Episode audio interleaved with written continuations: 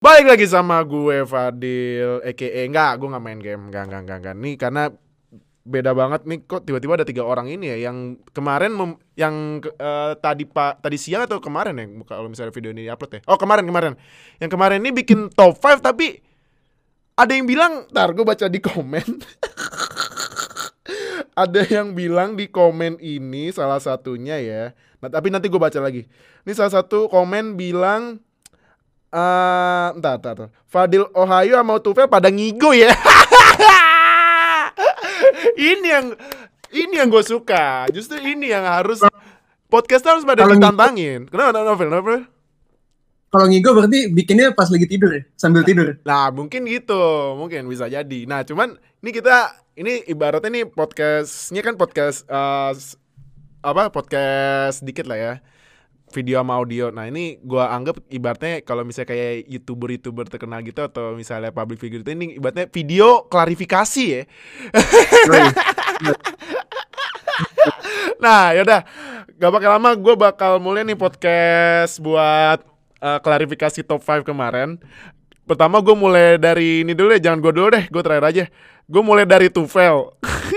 ya. Fel, lu kemarin yes. bikin uh, top 5 QB-nya pertama Patrick Mahomes, kedua Russell Wilson, ketiga Lamar Jackson, keempat Dak Prescott, kelima Deshaun Watson. Terus komentar lu kan uh, fokusin ke Dak ya, kata lu Dak ini kemungkinan bisa jadi big year. Nah, menurut lu gimana emang Dak?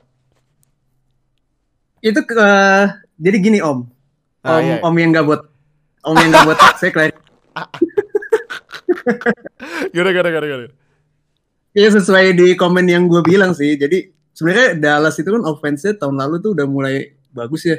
Yeah. Kayak improvement dibanding tahun sebelumnya lagi. Mm-hmm. Semenjak si Kellen Moore jadi OC itu lebih luwes lah. Cuma head coach-nya itu si Jason Garrett menurut gue masih uh, tidak masih terlalu kaku gitu untuk mengapply kurang agresif dalam melakukan decision, decision making. Nah, uh-uh. head coach yang ini Mike McCarthy uh, dia udah gone on record kalau nggak salah pas di gue baca di artikel mana gitu dia selama off season tuh selama nggak melatih dia tuh mempelajari ilmu-ilmu analitik gitu apa sih sebenarnya apa pentingnya analitik itu kayak gimana dan pro-nya apa cons-nya apa dan dia itu berjanji akan mengaplikasikan itu -huh. di tim dia nah, gitu gue nggak tahu se extendnya akan sebesar apa dia mengaplikasikan itu Cuma sih gue sudah expect dia akan mungkin akan lebih agresif di fourth down, fourth and short, dan mungkin akan lebih banyak passing di early downs. Jadi itu menurut gue cocok sama personel offense Dallas yang emang star studded kan ada di running back ada Zeke, receivernya ada Amari Cooper, hmm. yeah. ditambah pick receivernya si Lamb. Dak ini kan menurut gue sih Dak ini quarterback bagus ya dan entah kenapa di sebelum masuk tahun 2020 ini tuh kadang fans-fans tuh masih belum percaya gitu apakah dia itu sebenarnya franchise quarterback atau bukan gitu. Uh -huh. Di di kita lihat juga di situasi kontraknya kan yeah. Dallas yang nggak berani bayar dia istilahnya masih play it safe lah, masih ngasih franchise tag dan info tadi pagi ya kalau nggak salah baru tanda tangan kan? Iya. Kemarin uh, kemarin. 31,4 juta loh. Ya, tanda tangan franchise tendernya gitu. Jadi yeah. dia akan main tahun ini di franchise tag jadi dia kan main year to year. Jadi ini merupakan kalau menurut gue tahun di mana Dak Prescott harus bisa membuktikan kalau dia itu uh, franchise quarterback bagi Dallas dan menurut gue situasinya di offense itu sudah mendukung dia untuk melakukan itu gitu. Jadi dan oh. ditambah juga dia di musim lalu itu cukup bagus. Jadi menurut gue semua kombinasi hal itu akan membuat Dak itu jadi top 5 QB di tahun 2020 ini. Ah. Oke oke oke oke. Nah, uh, ini kan ada yang bilang di komen ya. Ini ada yang nanya, apa Tufel gak milih Brady gara-gara cabut dari New England? Nah ini kan, ini di komen nih hampir banyak yang bilang Brady mana Brady? gue kira tuh prediksi gue Rogers mana Rogers mana ternyata Brady mana Brady mana. Nah ini sebagai ketua, oh ini masih ketua apa udah mantan ketua sekte Patriots nih? Oh masih, mas. Oh masih, masih, oh masih. Nah, jadi kenapa lu nggak milih Brady ke top 5? Ketua Sekte Patriots merangkap juga ketua Sekte Buccaneers. Iya, ya, ya, ya, ya, ya, ya, ya, ya, ya, ya, ya. Apa? Oh, Bucks, Bucks fan since day one ya? Evan Fox ya. nah, gara, gara, gara, gara, gara, Kenapa lo nggak masang Brady? Padahal katanya ini ada yang bilang pada lupa receiver Tom, Tampa Bay, Tom Brady is top 5 this year tuh. Ada yang bilang gitu. Karena kan receivernya yeah. ada Mike Evans sama Chris Godwin nih. Nah, kalau hmm. tuh gimana, Fer? Kenapa nggak masukin ke top 5? Tahun-tahun sebelumnya, mungkin 10 tahun terakhir kalau ditanya top 5 QB itu best quarterback, gue udah gak pikir panjang kan. Pasti quarterback gue, Tom yeah. Brady gitu. Cuma entah kenapa pas di tahun, pas lo kemarin nanya nih ya, top 5 QB, ini pertanyaan yang menurut gue lumayan aneh gitu. Udah, ini udah kali pertama setelah semenjak beberapa tahun gue tidak nama itu tidak muncul dalam pertama, gitu. pikiran pertama gue tuh nggak muncul nama dia gitu. Uh, uh, uh, Mungkin kayak kejadian di musim kemarin di mana dia secara statistik tuh emang bisa dibilang jelek lah di standar dia. Mm -hmm. Mungkin itu ada personal offense yang memang jelek. Iya. Yeah. Uh, ini memang kalau gue ya, pertama kali mungkin dalam musim kemarin tuh gue ngelihat ini memang titik di mana Brady itu sudah nggak sama lagi gitu, udah lewat prime-nya. Iya. Gue gue percaya itu adalah personal yang jelek, cuma gue ada percaya juga ada penurunan penurunan eh, karena aging hmm. di mana dia tuh udah nggak seefisien dulu lagi gitu. Jadi hmm. eh, nah kalau dibandingkan sama quarterback quarterback tahun lalu yang jago gitu, yang berperforma baik, yeah. Entah kenapa gue merasa asing untuk memasukkan dia di top 5 gitu dibandingkan lima quarterback yang gue masukkan di di list gue gitu. Dan mm. even kalau gue masuk dia akan masukin Watson. Cuma gue setuju sih maksudnya bukan setuju gue mengerti kalau ada argumen kalau dia di Bucks akan lebih bagus dibandingkan di Patriots musim lalu karena weapons lebih bagus. Yes gue setuju cuma um, gue nggak bisa mempredik gimana Brady akan perform di skema baru uh. skema Bruce Arians gue gak tau ya mungkin beberapa banyak dia harus adjust ke skema Bruce Arians atau mungkin Arians yang untuk ngeadjust ke Freddy uh. tapi gue belum bisa prediksi itu dan gue nggak nyaman untuk masukin dia di top 5 dengan gue nggak tahu ke depannya dia kayak gimana Ah, oke, oke, oke, oke, oke. Nah, nah itu ya buat lu, buat lu yang komen mana Brady, hashtag mana Brady. Kalau gue tetap Roger, uh, Rogers mana, hashtag Rogers mana. Nah, cuma nih uh, mana lagi ya? Uh, nah, kalau gue lihat di list lu kan uh, peringkat satunya siapa sih tadi? Peringkat satunya kan Patrick oh. Mahomes, oke. Okay. Nah, cuman kenapa lu naro Russell Wilson di atas Lemar? Kan Lemar MVP musim kemarin. Yes, gue sebenarnya tiga QB my top 3 itu antara tiga itu, cuma satu udah pasti gue taruh Mahomes, cuma antara dua dan tiga aja. Jadi kalau gue sih melihat Russell tuh simply karena dia lebih quarterback yang lebih komplit komplit dalam arti dia itu secara quarterback uh, ini sebenarnya bukan slide buat lamar juga ya cuma preferensi gua akan quarterback adalah yang dia bisa melakukan pocket passing lebih hebat. Hmm. sedangkan Lamar Jackson gua masih merasa dia di uh, harus didukung dengan skema yang sangat mendukung dia untuk dia efisien dan efektif.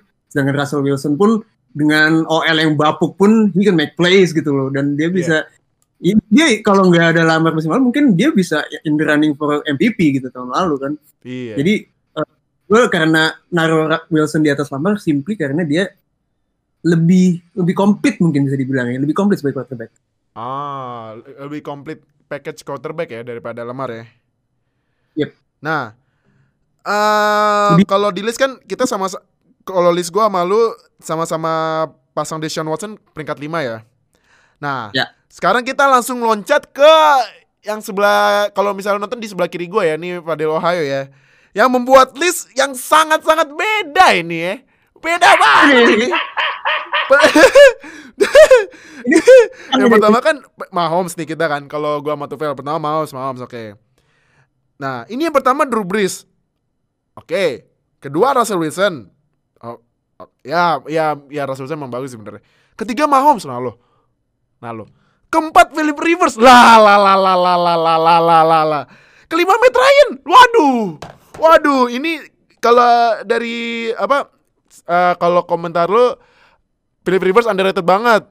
Wah, uh, meski harus berurusan dengan berbagai kendala kayak cedera tim sama sistem offense yang udah kuno, uh, Rivers masih bisa nunjukin uh, performanya yang konsisten ya dengan upgrade online Colts yang sekarang mungkin Rivers bisa jadi big name quick quarterback. Nah, gimana eh, gimana nih Dil? Katanya kan lu pakai analisis data nih analisis data apa sih yang bisa bikin listnya?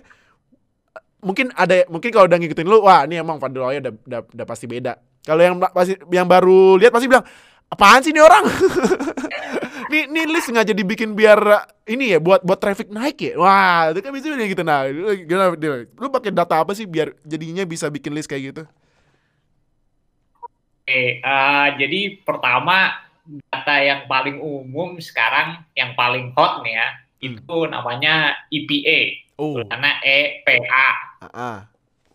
Nah, itu kan sekarang nih lagi lagi ini lagi hot di sepak bola tuh oh. XG expected goal oh XG nah, XA ya apa e, e expected goal expected assist gitu ya XG XA ya ya itu kan lagi lagi hot banget tuh. Zaman uh -uh. sekarang tuh kan sepak bola pengen pakai statistik. Nah uh -uh. statistik yang dipakai kan kayak gitu tuh. Berapa besar kemungkinan ngegolin per shotnya gitu kan? Iya. Yeah. Itu dijumlahkan kan. Nah itu uh, statistik yang gue pakai EPA itu kurang lebih mirip dengan XG gimana apa cara kerja XG di sepak bola. Uh -uh. Itu ada yang namanya expected point added. Uh -uh namanya di football. Jadi dia mengestimasi mm -hmm. uh, se apa uh, next score-nya atau apa. Kan di uh -huh. football tuh scoring play ada macam-macam ya. Ada touchdown, ada field goal, ada safety, ada kan ada juga tiga gitu. jenis. Iya. Oh tiga ya tiga. Jenis. Touchdown, field goal, sama safety. Uh -uh. Tiga atau dua poin, ya kan? Uh -uh. Nah itu plus berdasarkan data secara historis bisa dilihat kalau tim itu ada di posisi tertentu di lapangan, uh-huh. itu berapa besar kemungkinan dia untuk skor gitu. Nah, terus nanti itu dengan lihat gimana playnya kejadian, hmm. bisa estimasi play ini nih tambah poin atau enggak sebenarnya, ada poin yang ditambah atau enggak. Dan secara de facto saat ini adalah salah satu uh, metrik evaluasi yang uh, paling top lah, artinya paling banyak digunakan dan uh, widely accepted. Ya hmm. memang apa ada beberapa kayak concern gitu ya, maksudnya apa sih cuma gitu-gitu doang, tapi uh, bisa dibilang ini adalah uh, salah satu metrik yang paling konsisten, stabil. -hmm. Kedua pendekatannya adalah yang nomor dua ya, adalah completion percentage over expected. Jadi kan biasa tuh kayak quarterback tuh suka uh, suka itu kan ada completion percentage-nya tuh. Misalnya hmm. kayak apa Drew Brees season kemarin 73 persen gitu kan. Dia ngepas kalau dia ngepassing 100 kali 73 itu komplit. Gitu kan. Uh -uh. Nah itu bisa dikira-kira tuh misalnya ada passing nih kalau totalnya 10 yard gitu. 10 yard passingnya itu bisa dilihat kira-kira tuh kemungkinan completionnya berapa persen. Nah itu kita jadi bisa ngelihat sebenarnya quarterback ini lebih jago nggak dibandingkan quarterback lain di liga gitu. Jadi dibandingin antara satu quarterback dan quarterback lain. Uh. Dengan dua metrik tadi si EPA sama si POE itu sudah dibuktikan secara studi kalau ngikutin akun uh, F38 di ESPN hmm. ada Prisco Josh ya ada Josh Hermeyer itu uh, salah satu researchnya ESPN dia tuh berusaha cari metrik apa sih yang bisa translate gitu yang sustain istilahnya jadi karena caranya kalau kita pengen offense kita musim ini bagus musim depan hmm. bagus lagi atau enggak yeah. prediktor yang bagus itu adalah passing game offense ah. nah, kita pengen caranya gimana caranya supaya kita bisa isolasi forma itu. Nah, komposit apa apa ya gabungan antara si CPOE sama EPA tadi uh-huh. itu bisa diakses di uh, runningbacks.matter.com oh. lbsdn.com. eh itu siap, buat siap. yang apa yang belum tahu itu slogannya Tufel loh. itu moto hidup Tufel. Nomor pertama eh lu yang bilang kan menunggangi aja slogan yang udah ada dan gue suarakan lebih kencang. nah, jadi oke oke tuh. Kalau butuh fan katanya running back don't matter loh. Nah, tapi gue udah gue deal lanjutin. Ah, deal gue deal gue deal lanjutin lanjutin. Ben Baldwin itu yang punya slogannya to fail itu yang orang aslinya itu dia buat situs itu. Terus oh. kalau kita kalau kita tarik jadi performa quarterback kita kita isolasi yang stabil itu itu ranking gua bis nomor satu, uh-uh. Wilson nomor dua, uh-uh. Uh-uh. nomor tiga, uh-uh. Rivers nomor empat, Ryan nomor lima. Ah, oke. Okay. Nah, kalau dilihat kenapa gitu kan maksudnya ini kontekstualnya gimana jadi kalau dilihat jadi kalau ditranslasiin maksudnya maksudnya apa Breeze bisa dilihat bahwa dari tahun ke tahun dia passing gamenya lancar gitu oh paham paham. Ya ya ya ya ya, jadi dia on top of quarterback performance. Dan ini udah dibuktikan bahwa kan tadi kan ada concern soal Brady itu apa namanya ada concern bakal kayak apa nih performanya masih sama nggak kayak tahun-tahun sebelumnya? Nah itu bisa dilihat kalau pakai metrik yang sama gitu. Kita kita tahu bahwa performa Breeze itu lebih besar kemungkinannya untuk lebih konsisten atau tetap sama kalaupun ada drop off nggak sejauh itu dibandingkan performa quarterback yang lain gitu kayak misalnya Rogers atau Brady menurut metrik yang sama Rogers dan Brady saat ini udah di luar top 10 quarterback. Uh. Jadi mereka nggak punya value yang sama kayak dulu. Okay, misalnya, okay. jadi kalau kita isolasi per season ya, season paling dewa itu Rodgers 2011 waktu dia menang MVP. Oh emang dia jago iya banget. jelas itu dewa sih. Itu emang jago banget. Nah tapi kita lihat Rodgers sekarang udah gak kayak gitu lagi. Dalam 4-5 tahun terakhir penurunan performanya terlihat jelas gitu dan uh -uh. bisa bisa dilihat bahwa apa ya nggak masuk akal buat dia bisa aja dia rebound maksudnya dia jauh jadi jago lagi bisa tapi lebih besar kemungkinannya untuk dia tetap kayak kondisi dia sekarang hmm. nah kenapa Mahomes nggak nomor satu karena sampel size-nya kecil oh ya baru tiga season lama, ya? kan baru dua season benar season, oh dua season main ya kan dua season main. Mm-hmm. Musim pertama dia kan apa uh, sit behind Alex Smith kan. Alex Smith ya. Nah jadi metrik ini juga menghargai konsistensi over the year gitu. Jadi kalau kalau misalnya baru main sebentar, uh, belum dapat gitu metriknya nggak nggak sebagus itu. Oh, oke oke oke. Nah, Rivers dan Ryan ini sudah proven sama gitu. Mereka metriknya bagus. Terus kan kalau kita lihat ya River dan Ryan ini kan karena kita nggak ngelihat sebagai proven winner ya kan Matt Ryan terkenal apa 283 ya kan.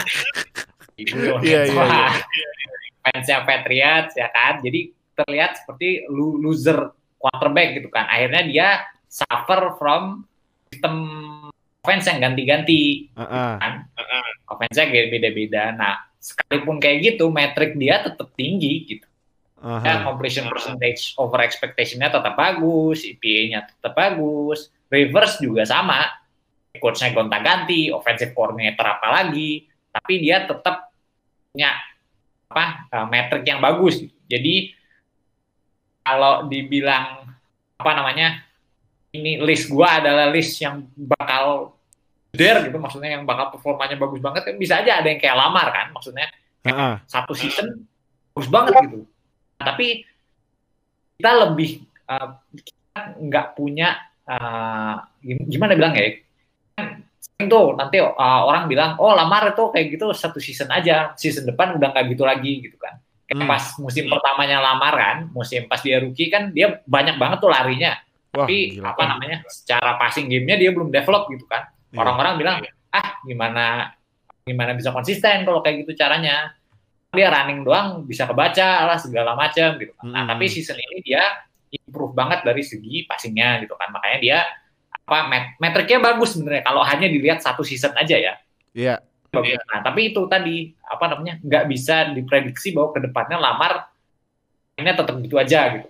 Jadi itu yang uh, apa namanya kenapa metriknya keluarnya kayak gini. Jadi data gue bilang bahwa lima quarterback ini punya kesempatan yang bagus untuk out numbers hmm. bagus tahun depan gitu. Tapi again bisa aja ada yang melonjak karena kalau kita ngomong soal MVP discussion, terus apa namanya top passing segala macam itu ada circumstances yang lain, keadaan-keadaan yang lain gitu kan. Kayak yeah. Lamar tiba-tiba fans coachnya niat dan apa namanya distribusin gitu kan. Yang jadi nah untuk ada sampai jadi MVP itu butuh hal-hal yang kayak gitu gitu. Yeah. Misalnya depan I don't know what happened gitu. Kalau menurut gua yang punya chance bagus banget untuk kejadian kayak gitu adalah reverse di ah. tahun 2018 ya. 2018 yang jadi satu playoff ya? Terakhir, nah, ya, ya, ya, itu 2018. terakhir kali dia punya tim yang healthy dan belumnya lagi akhir kali Chargers masuk playoff itu uh. 2014 kalau nggak salah ya. Offensive coordinatornya itu adalah head coachnya dia sekarang Frank Reich di Colts. Oh iya iya.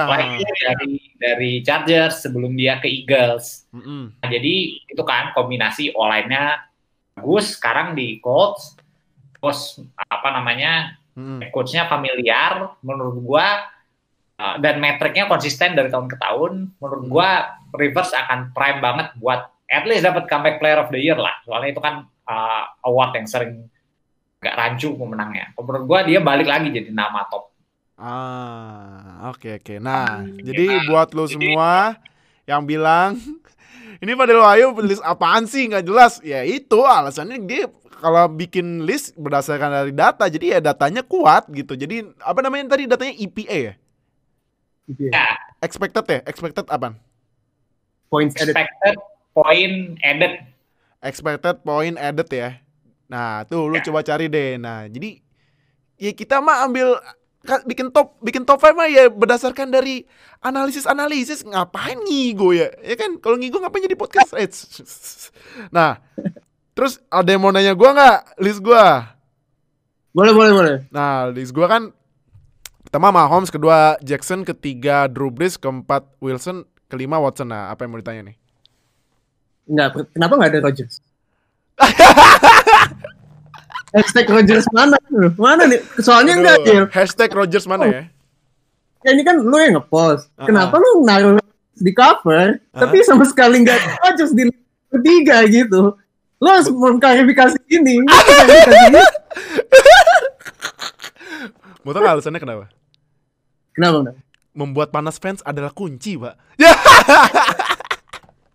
betul. Bikin, bikin panas fans tuh seru, Pak cuman cuman cuman ini ya cuma jangan di, dia, dia bawa serius. Cuman kalau gua ini ya kalau gue perhatiin Rogers ya I kan pasti admin satu lagi kan sebenarnya kan ada admin NFL fans Indo bukan banyak ya sebenarnya ya. Ini ada admin satu lagi nih.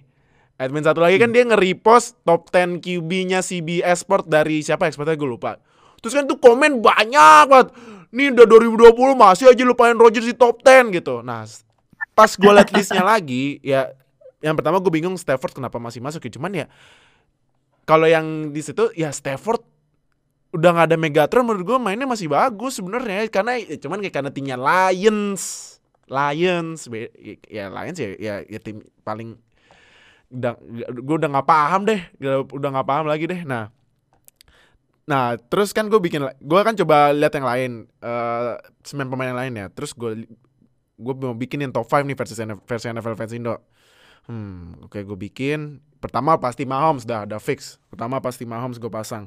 Kedua yang mungkin pada bingung Lamar Jackson kali ya. Kedua. Lamar hmm. Jackson di, di atas Drew Brees loh. Karena gini loh, karena gini. Menurut gue uh, Lamar Jackson itu weaponnya bakal meningkat banyak. Apalagi tambah J.K. Dobbins ya, kalau nggak salah ya, rookie-nya. Ya. Hmm. J.K. Dobbins menurut gua Hollywood Brown musim depan musim 2020 bakal bakal meningkat banget. Terus tight endnya Mark Andrews gue bilang juga bakal meningkat. Kalau running back situation gue nggak paham. Uh, Mark Ingram bakal gimana nih kedatangan J.K. Dobbins. Mungkin jadi mentor atau gimana gitu atau di split lagi. Nah, kalau ketiga Drew Brees ya Souls pak, yang namanya juga Ken Guard Mike Ya walaupun orang pada bilang yeah. cuma bisa slants, cuma bisa slants. Ya kalau kalau Michael Thomas bisanya slants terus bagus ya udah terusin aja bodoh amat yang penting kan bagus. Ya kan ngapain sosokan misalnya mau sosokan mau comeback atau go atau in tapi nggak tangkep uh, tapi cuma bisa slants ya udah slants aja terus suka-suka Michael Thomas kan. Nah, keempat Russell Wilson. Russell Wilson emang menurut gue salah satu pemain underrated di dekade 2010 sih pak.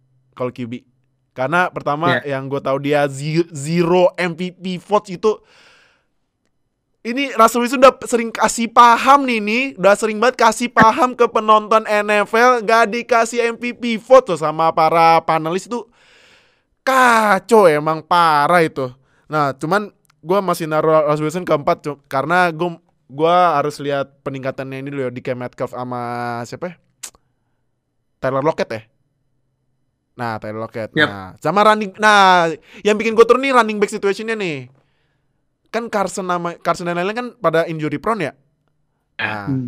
kalau terus kalau gue lihat tuh Russell Wilson suka lempar ke running back ya kalau misalnya udah dijaga banyak kan Lockett sama Lockett Metcalf Disley di, ya Disley kan cedera, cedera Hollister kan nah suka lempar ke running backnya nah gue mulai running backnya dulu nih gimana kondisinya bisa pada injury prone Kelima ada Sean Watson ya. Nah, gue kan bikin komentar walaupun Hopkins pergi tapi gue prediksi Watson tetap bagus. Nah, karena menurut gue Watson nih ya walaupun kehilangan salah satu weapon favoritnya tapi prospeknya bakal cerah sih buat ke depannya Watson.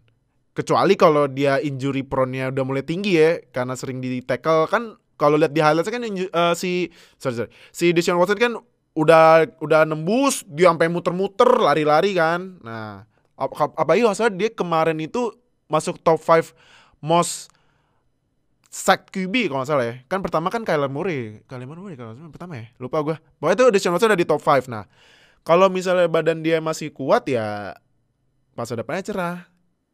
Nah, sekarang gue balik lagi yang pertama nih. Kenapa nggak ada Rodgers? Karena gini.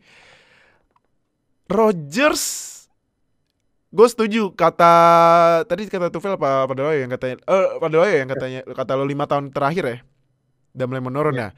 Iya menurut gue udah mulai menurun karena yang gue lihat Rodgers pas dia MVP season sama lima tahun empat tahun terakhir kurang.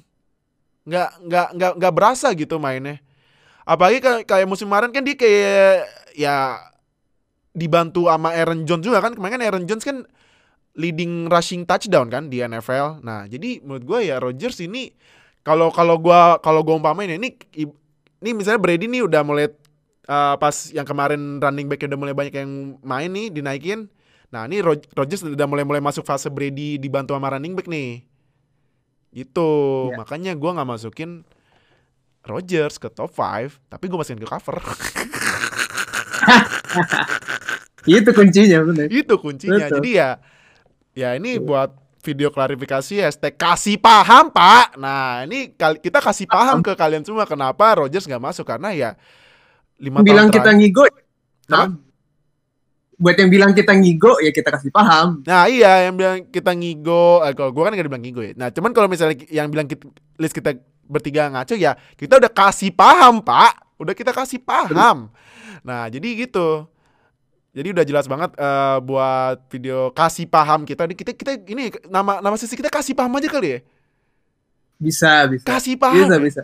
Kasih paham. Give, un give understanding. Iya, yeah, give understanding to NFL fans why we make such an contro such a controversial and debatable list ya. Jadi yaudah kalau hmm. gitu itu uh, sesi kasih paham kasih paham Pak kita ya. Jadi thank you buat yeah. Tufel udah yeah. join. Deal, deal. Ah iya, sebelumnya oh. ada ada kata-kata terakhir nih. Ada mau kasih paham lagi nih ke fans-fans apa nih? Next, next kita top 5 apa nih? Next kan kita bakal nih. bikin top 5 posisi yang udah dibilang tadi don't matter, running back. Oh, ini nih.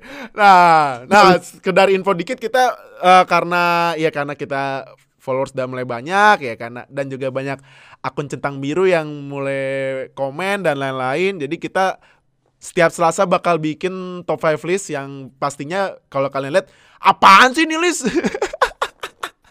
nah, jadi Betul. next week kita bakal bikin top 5 posisi yang katanya don't matter. Running back. Nah, jadi stay tune minggu depan ya di sesi kasih paham Pak buat di list top 5 kita. Jadi, Vel, apakah ada kasih paham terakhir? Kasih paham terakhir Jared Statham top 10 QB this year. Let's go, Kaspar. Nih, nih Pak ya, nih. nih, ini contoh-contoh. Ya, lu top deal. Lu ya, top Kalau kan ada nama itu nanti. Oh. Jadi kalau misalnya tahun depan bikin top 5 QB, Jared Stidham nih nomor 2 nih langsung. Nomor atau nomor 5 nah, dulu nih. Bisa, bisa banget. Anjir, anjir emang nih orang gila. Nih, lu pasti dengan fans fans Patriots pasti pada bilang, "Wah, Jared Stidham, our savior, our king." Ya kalau bukan fans Patriots, apaan sih lu orang gila? ya, nah, aja. Uh, kalau Pak Diloyo, apakah ada kasih paham terakhir? Buat yang bilang nih orang ngaco sih apa? Nah, ternyata kan kasih pahamnya dari data yang sangat ini ya, dari racik dengan mantep itu. Gimana? Apa lu mau kasih kasih paham yang terakhir? Ada, maksudnya ya dinikmati aja lah list-list yang bakal keluar selanjutnya. Jadi buat lu yang udah dengerin atau nonton podcast kasih paham Pak top 5 kita, kalau nanti minggu depan kita bakal bikin list lagi buat top 5 running back don't matter itu. Langsung komen aja ntar di Instagram gimana pendapat lu, lu mau ngatain kita kayak itu serah, nggak apa-apa. Nanti habis itu kita bakal bikin uh, lagi kasih, sesi kasih paham Pak uh, top 5 list kita. Jadi udah itu aja ya. Ada lagi mau kasih paham yang lain? Cukup, cukup. Cukup ya? Deal, cukup? Oke. Okay. Gue gak ada kasih pahamnya karena gue udah bikin kalian paham juga kenapa gue gak masukin Roger. Jadi thank you udah nonton. Berarti see you di kasih paham minggu depan top 5 list running back. Siap-siap emosi ya.